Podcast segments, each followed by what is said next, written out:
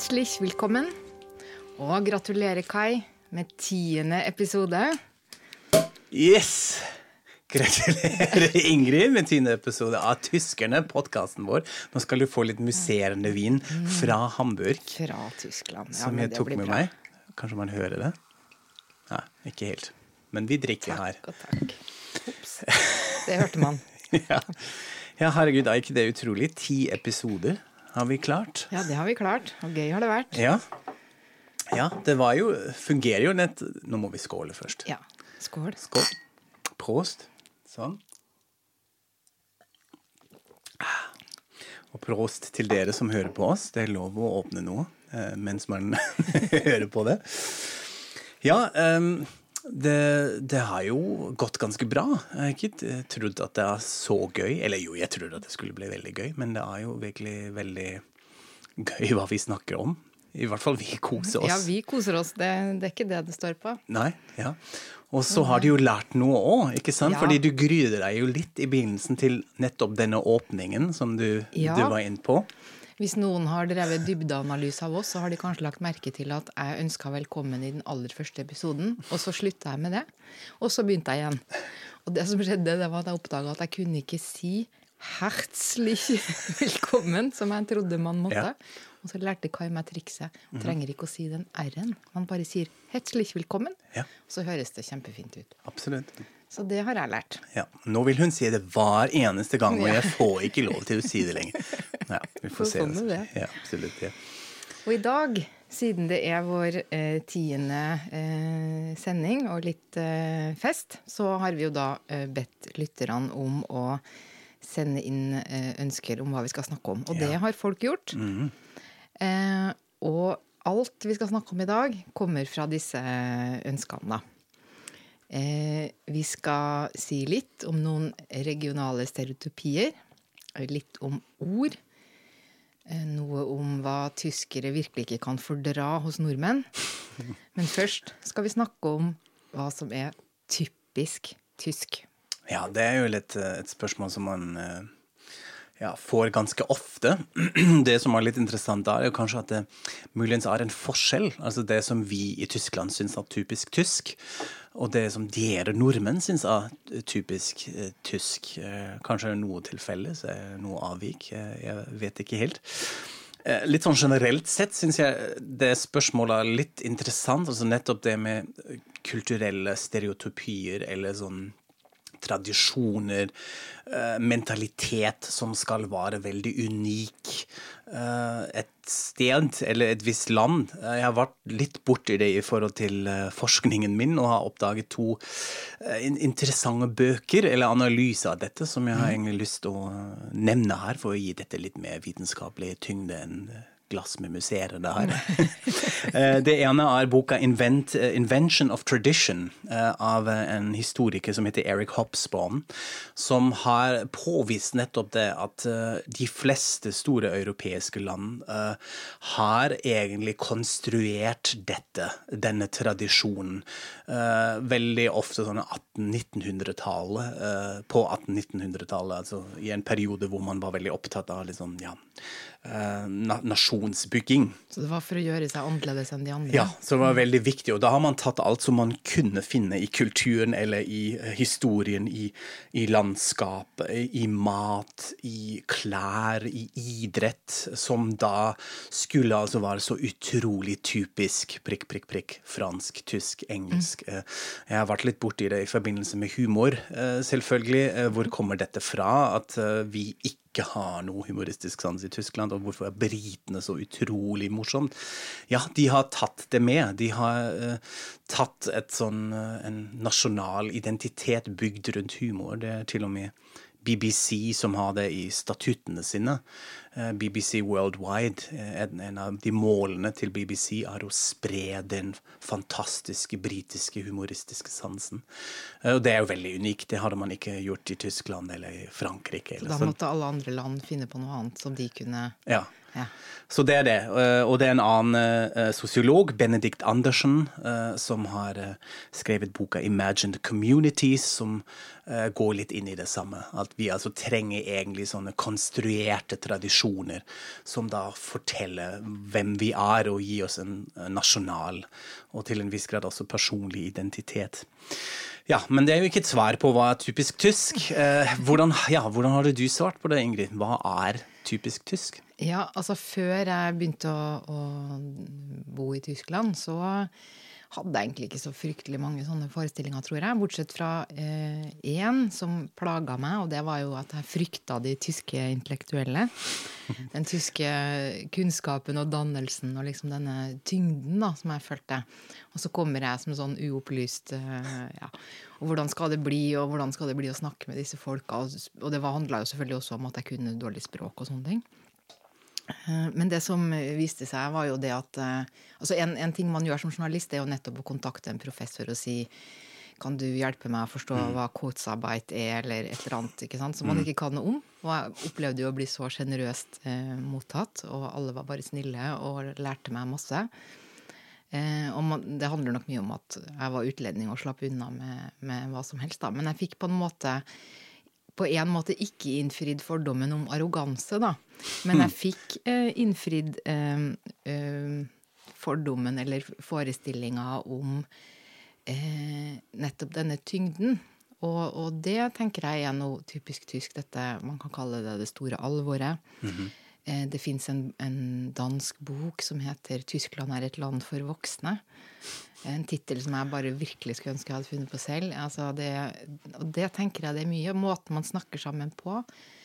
Eh, at det er med alvor og tyngde og en sånn faglig respekt og, og, alt dette her. Og jeg merker det selv når jeg i Norge skal forklare hva jeg driver med av sånne europeiske prosjekter og sånn, så gjør jeg det unna litt fort, og så finner vi på noe artig. I Tyskland så kan vi snakke om dette. Det tar liksom aldri slutt, og det, jeg liker jo det veldig godt, da. Ja. Det er litt interessant at du nevner den danske boken med det, eh, Et folk for voksne. Fordi det er, eller har vært en liten debatt, i hvert fall i Tyskland nå, i forbindelse med hvordan man snakker om USA. Hvor det var filosofen Peter Slotterdeik eh, som hadde kalt USA for et kinsfolk altså et barnefolk. Ja. Uh, hvor, som da ble diskutert litt, i hvert fall i en del sånn, spalter og artikler som jeg har sett. Ja, det kan man si det. Og det kan man jo kanskje nå fornærmer vi kanskje mulige amerikanske lyttere, som vi kanskje ikke har. Det får eh, stå sin prøve. Men eh, det passer jo kanskje på det spektrum, hvis man, hvis man ser på det. Og så er det, jeg tror Ja, jeg er litt enig i det, fordi jeg har også ja, blitt litt gjort narr av norske venner som var med i Tyskland, og så var man på fest, og så var de litt sånn satt ut at ja, ja, det var jo litt alkohol på bordet, men allikevel snakker plutselig alle om holocaust eller DDR eller noe sånt etter hvert, og koste seg veldig med det. Og da syntes vi det var en fin kveld. Uh, og motsatt det jeg opplevde her, som jeg faktisk opplevde som noe veldig fint og litt sånn forfriskende at man kom hit og jeg trodde vi skulle gå hjem nå, vi hadde jo snakket litt, men da tok det av. Og bort med bord og stoler, og så var det plutselig dansing i stua og sånn. Det har jeg ikke opplevd på denne måten. Det er vel eh, nok et eh, tegn på at det er ganske godt å pendle mellom disse to landene, da. ja, ikke sant. Det er jo det. Det er kanskje litt sånn eh, ekstreme. Det som en, noen sa til meg en gang. Å skal du feste med din kollokviegruppe igjen, da? Snakker dere alle alvorlige ting?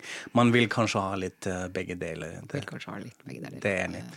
Men er det noe annet typisk tysk? Ja, er, mm. jeg har uh, to andre ting som begge er sånn eh, klisjé, klisjeer om typisk tysk, men som jeg også har opplevd faktisk uh, stemmer. da. Og det ene er at tyskere har et eh, De elsker trær og har et sånt fanatisk forhold til eh, hvis noen kommer og skal hogge ned noen trær i en eller annen park eller langs en kanal eller noe sånt. Og da er det ikke sånn at det er radisene eller de grønne eller sånn bare, men også du kan være erkekonservativ og eldre og alt mulig. Og mm. kommer du og klemmer disse trærne og, og tar det veldig hardt, da. Så det ja, Det Deutsche Wald. Det er en litt sånn mhm. nasjonalromantisk uh, ting. Uh, og som går jo også litt uh, Kanskje fikk en sånn oppblomstring, bokstavelig, på 80-tallet når det var Når man snakker om Waldsterben, altså når man begynte ja, at det var så mye ja, den syre nedbøren. Dette hvor det var sånne store protester mot det, og nå må vi virkelig gjøre noe med, fordi nå dør trærne våre. Men det stemmer, altså en sånn viss sånn bevissthet på miljø, det har man nok litt innebygd. Eh, jeg har også ja, en sånn ting som jeg la merke til her, at, som folk kommenterte i Norge. Ah, 'Det er så typisk tysk. Du slår av lyset etter du har forlatt, mm. etter du forlater rommet.' Som jeg bare ikke tenkte noe særlig over. Det var noe som, vi, som jeg ble, fikk lært av foreldrene mine. Vi, mm. vi sløser ikke bort energi, eller da, også kanskje penger, eh, etter hvert. Så det ja. Det er jo noe man merker mm. Det har jo jeg lært meg selvfølgelig at det må man gjøre i Tyskland, det er høflig. Mm. Men jeg har tenkt at det hadde med penger å gjøre. Altså ja. At man skal spare på strømmen, som jo er forholdsvis dyrere enn en for oss her. Ja. Men det kan ha flere begrunnelser. Ja, altså mm. jeg forbinder det i hvert fall med, med miljø. Ja. Men liksom det største, som de fleste kanskje nevner, typisk tysk, er å være presis. Ja. Er du enig? Syns ja, du? altså eh, jeg er jo litt sånn selv, eh, da. Så jeg har alltid pleid å komme for tidlig, som jo også er veldig irriterende og, litt sånn nevrotisk. Eh, men, men, så for meg har ikke det møtet med Tyskland vært noe problem, fordi at jeg føler meg jo bare at det ligger til rette for sånne mm. som meg. Ja.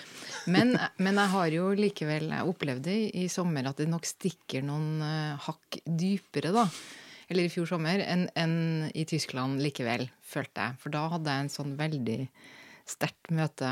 Eh, jeg hadde en intervjuavtale med en eldre herre på restaurant klokka halv tre. Vi skulle snakke om politikk. Og jeg kom selvfølgelig da ti på halv tre og satt nå der. Og så kommer han to minutter over halv tre og unnskylder seg voldsomt. Og jeg sier sånn, men det var jo bare to minutter. Og så ser han liksom med hardt blikk på meg. Ja, men det var to minutter for seint. Og da skjønte jeg på en måte ok, det var sånn er det. Det er ikke noe som heter bare. Nei. Nei, han ba om unnskyldning der. Mm, mm. Men det er, jeg vil nok si kanskje litt generasjonsting uh, òg. Litt annerledes uh, i den yngre generasjonen. Jeg er også veldig utypisk da, fordi jeg kan være litt for sent og ikke ta så mye hensyn til det. Jeg har fått litt kritikk fra det, fra andre tyskere. Um, men nei, det er jo helt åpenbart at det, at det er en ting, og da kan jeg kanskje anbefale enda en uh, litterarisk tekst på mm. tysk som er veldig fint, av en av mine favorittforfattere og satirikere, Max Gold, som har skrevet en veldig morsom tekst om nettopp det. Den teksten heter 'Punktlichkeit pluss', hvor han da forteller av et, uh, en sånn hendelse hvor han og tre andre uh, kolleger skulle Eh, komme på besøk til en forfatter for å uh, spise koren og drikke kaffe. Uh, og så var de litt uenige hvordan Skal vi være presis? Skal vi være fem minutter for tidlig? Skal vi være litt for sent? Er ikke det litt høflig hvis man ikke kommer for tidlig? Så klarer de ikke å bli enige om hvordan man skal gjøre det. Og det er en veldig fin sånn, dekonstruksjon av dette store problemet uh, i Tyskland. Så ja, nei, det er nok sånn sett typisk tysk. Men jeg får jo det spørsmålet også veldig ofte. Hva er typisk tysk? Og jeg har i de siste årene hatt en sånn uh, observasjon som egentlig har uh, ført meg til et svar, et veldig konkret svar, hva, som, mm -hmm. hva jeg syns er typisk tysk. Og det er apfelskjåle.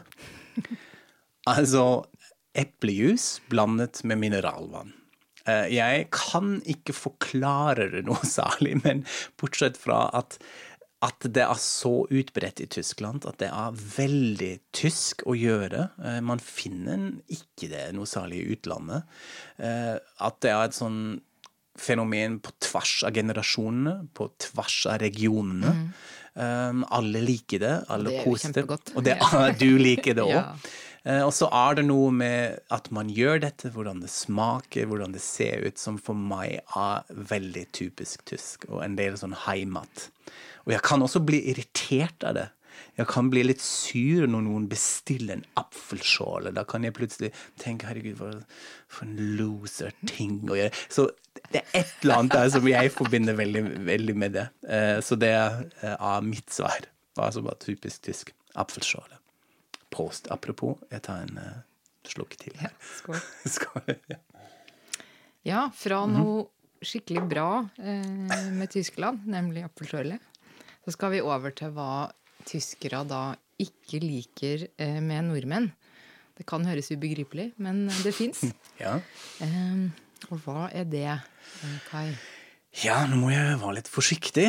Um, men um, ja, en ting som jeg har faktisk vært borti selv, med en litt sånn merkelig, uhyggelig opplevelse, var når man prøver å snakke om hvalfangst uh, i Norge, som sikkert uh, en del utlendinger prøver av og til. Og der er det plutselig slutt med å være hyggelig eller konfliktsky. Jeg har opplevd det på en fest. Rundt et kjøkkenbord, eh, hvor jeg tenkte det var en god idé å snakke litt om det og kritisere det litt. Eh, og det var det en dame som var veldig stille under min monolog. og plutselig klikka hun litt og sa det er kanskje best at du ikke uttaler deg om ting som du ikke vet noe særlig om. Så forlot hun kjøkken. Og da tenkte jeg oi, oh yes, det var interessant, interessant, det var spennende. Eh, så her er det antageligvis et tabu eller en irritasjon at folk fra utlandet mener ting om det etter hvert har jeg jo skjønt at det er kanskje litt mer nuansert. At altså, den norske hvalfangsten er ikke nødvendigvis sammenlignbar med den uh, japanske. At det finnes kvoter. Sånn går det når man blir mer integrert? Ja, så forstår man det kan også være ja. forstå mer eller bli brainwashed. ja. Men det er litt i den sjangeren da, denne en sånn påståelig holdning mot sånn tradisjonell bedrift. Det gjelder litt for pelsdyrindustri òg, som jeg syns er bare veldig usympatisk og unødvendig. Men uh, som man ser kanskje litt annerledes på i, i Norge. Ja, i hvert fall med, med hvalfangst så tenker man nok veldig eh, det at det er vår dette forstår vi oss på, som du mhm. sier. Mm. Det er vår rett. Dette har vi alltid gjort. Og vi gjør det så innafor eh, at det har ikke liksom utlandet noe med. Og, og, eh, jeg kan jo fortelle en eh, liten episode om hvordan dette norske synet på hvalfangst skapte en veldig krøkkete situasjon i Tyskland. fordi hver, hver, hvert år i Berlin så arrangeres det noe som heter Grüne Woche. Mm -hmm. Og da kommer masse land med all den gode maten sin og er på en messe.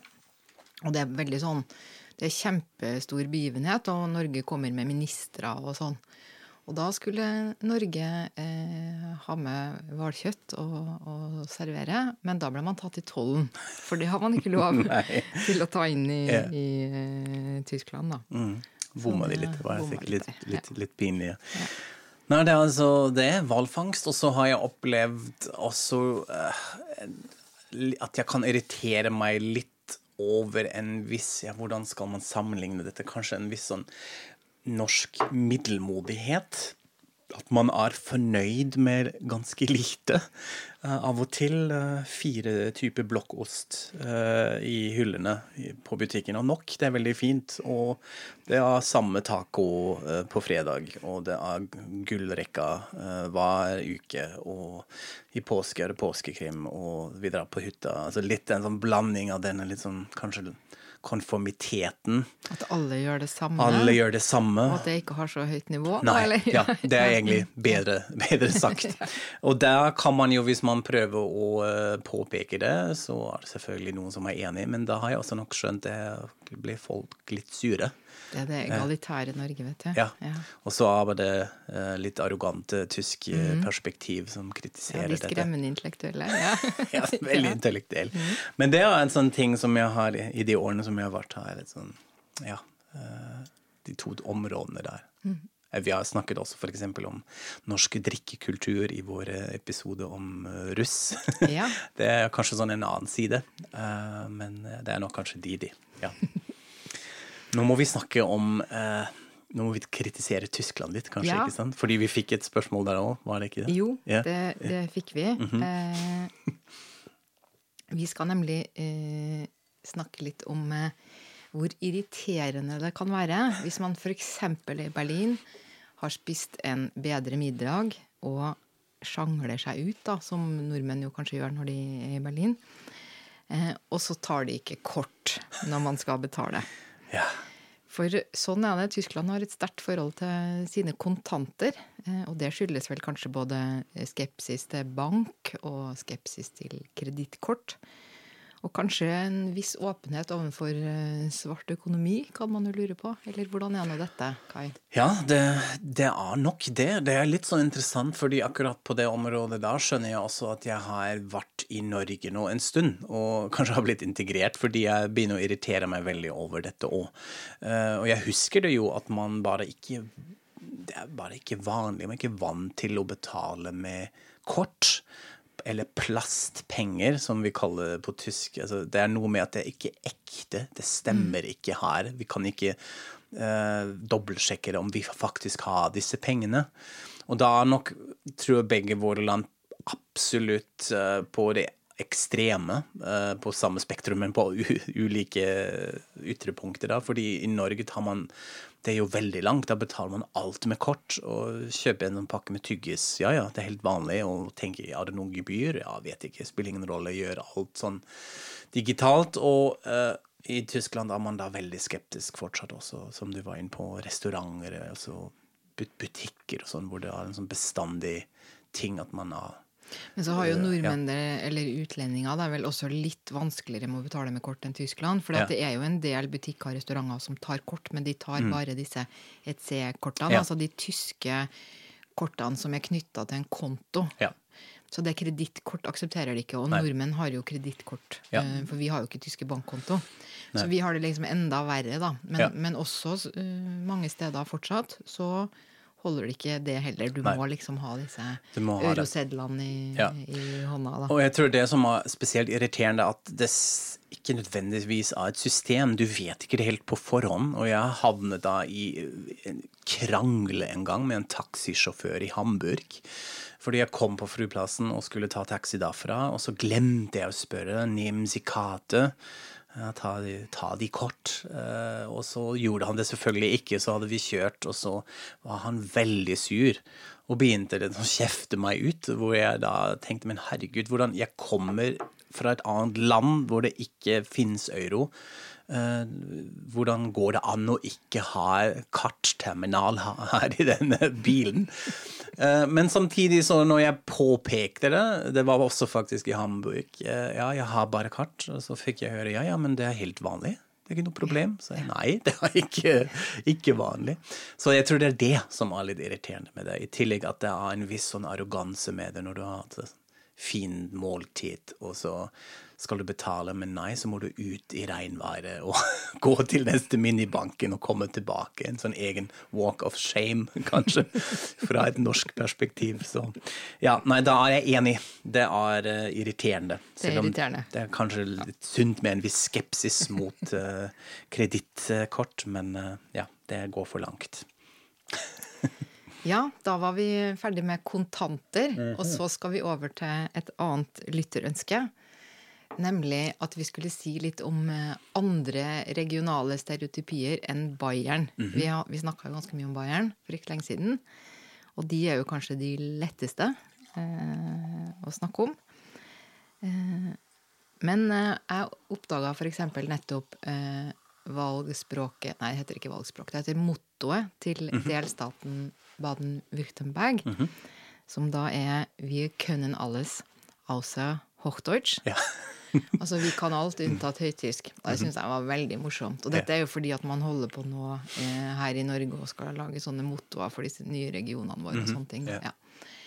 Eh, og så tenkte jeg at eh, det må vel bety at i Baden-Würtemberg er man morsomme og, og selvironiske, eller hvordan er nå dette? Ja, godt spørsmål, fordi det er jo litt utypisk å bruke humor på den måten på en, sånn offisiell, i en sånn offisiell kontekst. Så jeg, var litt, jeg lo veldig av det nå. Jeg syns mm. den var veldig selvironisk. Og det er ikke det som man nødvendigvis forbinder med Baden-Würtemberg hvis man tar inn denne regionen Schwaben, altså Schwabenland, så er det vel mest at folk er gjerrige. Det handler veldig mye om penger eller ikke. Ja, det er jo denne schwabische Hausfrau som ja. gjerne blir brukt som denne nøysomme husmoren ja. som teller hver krone. Det er akkurat det. Ja.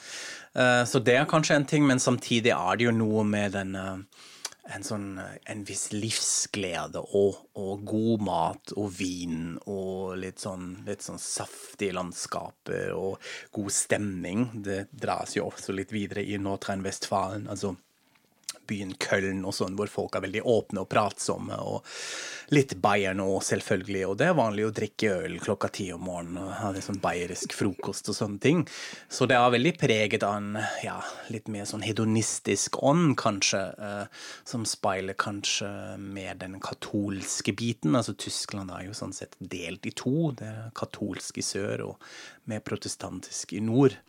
Eh, så det er en litt annen stemning eh, i Nord-Tyskland, vil jeg, vil jeg ja, si. Ja, det kom jo nettopp et uh, eksempel på det som jeg bet meg litt merke i. da, For da uh, Tyskland har jo fått ja, Det er jo ikke så ny nå lenger, men de, denne regjeringa har en finansminister som er fra Hamburg, ja. som heter Olaf Scholz. Og han holdt da en sånn tale i, i forbundsdagen for ikke lenge siden Eh, og det var sikkert et eh, Finansministre snakker jo gjerne om litt sånn eh, ikke så veldig artige temaer, da.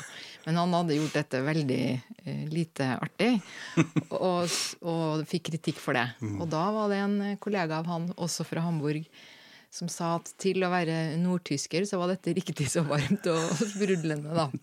Så, det, så de har også tydeligvis en viss selvironi på dette. Absolutt. Men uh, det er da det de er kjent for. Å ja. være litt uh, tørre og og eh, ikke så åpne Nei. og sprudlende. Ja, altså jeg måtte venne meg litt til det òg, men eh, jeg har en del venner i Hamburg eh, også, og nå er jeg blitt egentlig veldig glad i det. Jeg tror jeg, Det har også sikkert noe å gjøre at det er litt nærmere nordmenn og skandinavier, at man er litt mer tilbakeholdende og kanskje har litt mer sånn tørr humor, litt sarkastisk, litt ironisk. Så jeg selv om det er artig i Köln, og sånn, hvor folk i trikker og sånn begynner å snakke med deg, og det er alltid litt sånn übergut stimmung, eh, så eh, fungerer jeg nok litt bedre med den litt sånn kjøligere, tilbakeholdende holdning i, i Nord-Tyskland. Men vi snakker jo stereotypier. Det fins sikkert også superekstroverte folk fra, fra det vil Hamburg. Jeg tro. Det vil jeg tro. Absolutt. Og da skal vi over til ord ja. vår faste spalte. Mm. Og også her er det da lytterne eh, som har sendt inn eh, noen ord de ville snakke om. Og da kan jeg først eh, komme med et norsk ord. Takhøyde. Ja. Og, og, hun som sendte inn dette, eh, mente at det var veldig typisk norsk, da. Mm at det finnes et sånt ord, for det finnes ikke på tysk. Nei, og jeg må innrømme at jeg faktisk ikke forstår hva det betyr. Altså, jeg har jo hørt det, men jeg, det er veldig avhengig av kontekst og at jeg kan henge med. Det er veldig norsk, eh, og jeg tror du må forklare det eh, ja. til meg. For, for innsenderens uh, teori, som jeg syns høres veldig plausibel ut, det er det at fordi alt er så undertrykt i Norge, da. Altså at vi ikke sier det mm. vi mener, og at vi er veldig forsiktige og konfliktsky og kanskje ikke helt kan stå for den man er og sånn.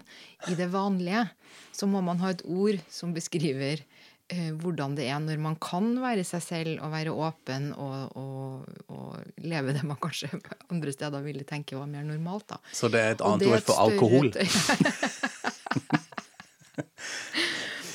Så da eh, sier man at, eh, at, det er stor takhøyde når man da kan være frie, ja. frie og åpne eh, mennesker. Okay, ja. ja. Så det trenger vi i Norge. Ja. Eh, et annet eh, ord er da tysk. Mm -hmm. kvasi. Ja. Da kan jo jeg bare Jeg har jo møtt dette ordet som mm -hmm. utlending i Tyskland på universitetet, egentlig. Jeg var et år ved fra universitet. Og da la jeg merke til mine medstudenter da, som brukte dette ordet ganske mye. Og jeg oppfatta det som et ord du legger inn når du først så sier du noe om noe. Så sier du kvasi, og så sier du det samme om igjen, litt annerledes. Og jeg fikk aldri brukt det selv, fordi at jeg hadde så dårlig ordforråd. så jeg kunne bare si ting én gang, da. Men det var min oppfatning av hva kvasi er. Men hva, men hva er det, Kai? ja, det, det er veldig sjarmerende, denne historien. Og det er, ja, det er nok uh, sånn jeg hadde tolket det òg, at, at, det er på en måte et sånn fyllord uh, som ja, fungerer litt som en sånn komparativ, som du forklarte. Altså noe som er litt som noe annet òg, men er, ble brukt veldig mye, litt som i, i sjangeren som liksom og sånt. Uh, men jeg har jo gjort litt research uh, etter vi fikk det spørsmålet. Kan dere snakke litt om kvasi? Og jeg var egentlig litt sånn ja ja, det er jo fort forklart. Men så ble jeg helt satt ut, fordi jeg fant nemlig en avhandling. En vitenskapelig avhandling på nettet, som vi kan legge ut på Facebook-gruppa vår. Uh, Interaksjon Sprache Arbeidspapirreihe. Wortbedeutung interaktional betrachtet. Der Fall quasi gidder ikke å oversette det engang. Mm. En vitenskap, eh, vitenskapelig avhandling. Og der eh, går man litt mer i dybden eh, og også finner frem at det er kanskje litt mer til det ordet. Jeg vil bare lese en én setning fra fasitet til denne avhandlingen. Den er på tysk, beklager. Også husk at det er bare én setning, dette som jeg kommer til å lese nå. Das Wort quasi reiht sich damit ein in eine große und in der letzten Zeit immer besser beschriebene Gruppe von interaktionalen Schmiermitteln wie Diskursmarkern, Vergewisserungssignalen, Rückmeldesignalen, Wahrheitsmarkern und so weiter, deren angestammter Ort die interaktionale Sprachverwendung ist und die daher in der monologisch ausgerichteten schriftlichen Kommunikation kaum zu finden sind. Wow. Das hier ja, eh, kvasi egentlig sier det det samme. At det er et sånn liksom-ord. at jeg hadde forstått det riktig. Ja, at det var helt riktig. Men, og det er kanskje litt interessant, at det ikke blir brukt i skriftlig. Eh, bare muntlig. Bare muntlig. Ja. Eh, så da har vi i hvert fall en naja, kvasi-vitenskapelig forklaring her. som man kan lese litt videre i hvis man har lyst til det. Ja, eh, den, det siste eh, lytterinnsendte ordet vi skal ta opp nå, det er da eh, en som ville at vi skulle snakke om de styggeste tyske ordene. Og selv eh, sendte hun inn ordet 'vatse'. Altså 'vorte', betyr det vel? Mm -hmm. Ja, Som er det styggeste, da. Ja. Eh, og dette har du tenkt litt på, Kai. Du har også ja. noen uh, stygge ord. Ja, det er, det er litt fascinerende. Uh, måtte jeg le litt av Vartse, fordi jeg skjønner litt hvorfor man syns det er stygg. Og det har noe med den lydkombinasjonen å gjøre, som man finner ganske ofte på tysk. Jeg har også et tyskord som jeg syns er veldig stygt, nemlig rotz, eller rotze, altså snørr. og det er jo nesten sånn onomapoetisk sånn ja, det høres ut som det det er. hots. Uh, og vi har jo flere ord med denne kombinasjonen åts, som vi ikke skal gå inn på nå, men veldig stygge. Uh, og et annet ord som jeg syns er utrolig stygg, er ordet geschlechtsverkehr. Som altså da betyr samleie. Eh, som er så utrolig klinisk og teknisk, altså direkte oversatt av kjønnstrafikk. og det Ja, altså Man trenger ikke å si noe mer. Veldig effektivt Dette og praktisk ord. Ja. Veldig effektiv, ja. Det er fint. Det er kanskje noe man vil i denne konteksten. Men eh, ja, pent var det ikke. Og dette kan vi godt fortsette med. Så hvis noen uh, har andre ord som de syns er spesielt stygge, send inn, send inn. Nå er du besvipst. Ja, litt. Eh, jeg har jo drukket litt uh, musserende her, og du òg. Så nå føler jeg at jeg er litt brisen. Det er det det betyr. Ja. Det fins jo mange flere ord for dette òg. Det er jo litt interessant. Ja, jeg måtte sjekke ja. litt. Mm -hmm. Angetrunken. Ja. Angeheitert. Mm -hmm. Vakkelig. Doslig. Oi, doslig har jeg aldri hørt. Jeg vet ikke hvor det ble brukt. Jeg så det på Doden, ja. boka. Mm -hmm. Så var det en viss region som Husker du Nei, det? Nei, det sto, husker jeg ikke. Ja. ja mitt favorittord uh, er faktisk fra Hamburg. Uh, når man er uh, angetydet. Jeg blir en bisschen angetydet. Da har jeg hatt litt mye. Men ikke altfor mye. Så det er en litt sånn hyggelig level av eh, å være brisen. Ja, og da må vi jo kanskje nesten runde av. Men um, vi har fått et spørsmål til som jeg syns egner seg veldig bra som en utfordring for deg, Ingrid. Vi har jo en utfordring av og til til hverandre. Det var en lytter som vil gjerne at vi snakker om uh, en bok fra en tysk forfatter og historiker, Florian Huber, Kind, versprich mir, dass du dich erschießt. Eh, barn, lov meg at du skyter deg. Som er gitt ut på norsk også, oversatt av Espen Ingebrigtsen. Um, så litt uh, om krig uh, må vi jo snakke. Ja. Uh, og du nevnte at du har denne boka. Jeg har den boka, Ja. og har også hørt eh, forfatteren Ja, så bra. fortelle. Mm. Så da er det jo en fin anledning at du leser det. Det blir din utfordring, og så snakker vi om det ved en annen anledning. Det skal vi gjøre. har lest det. Så bra.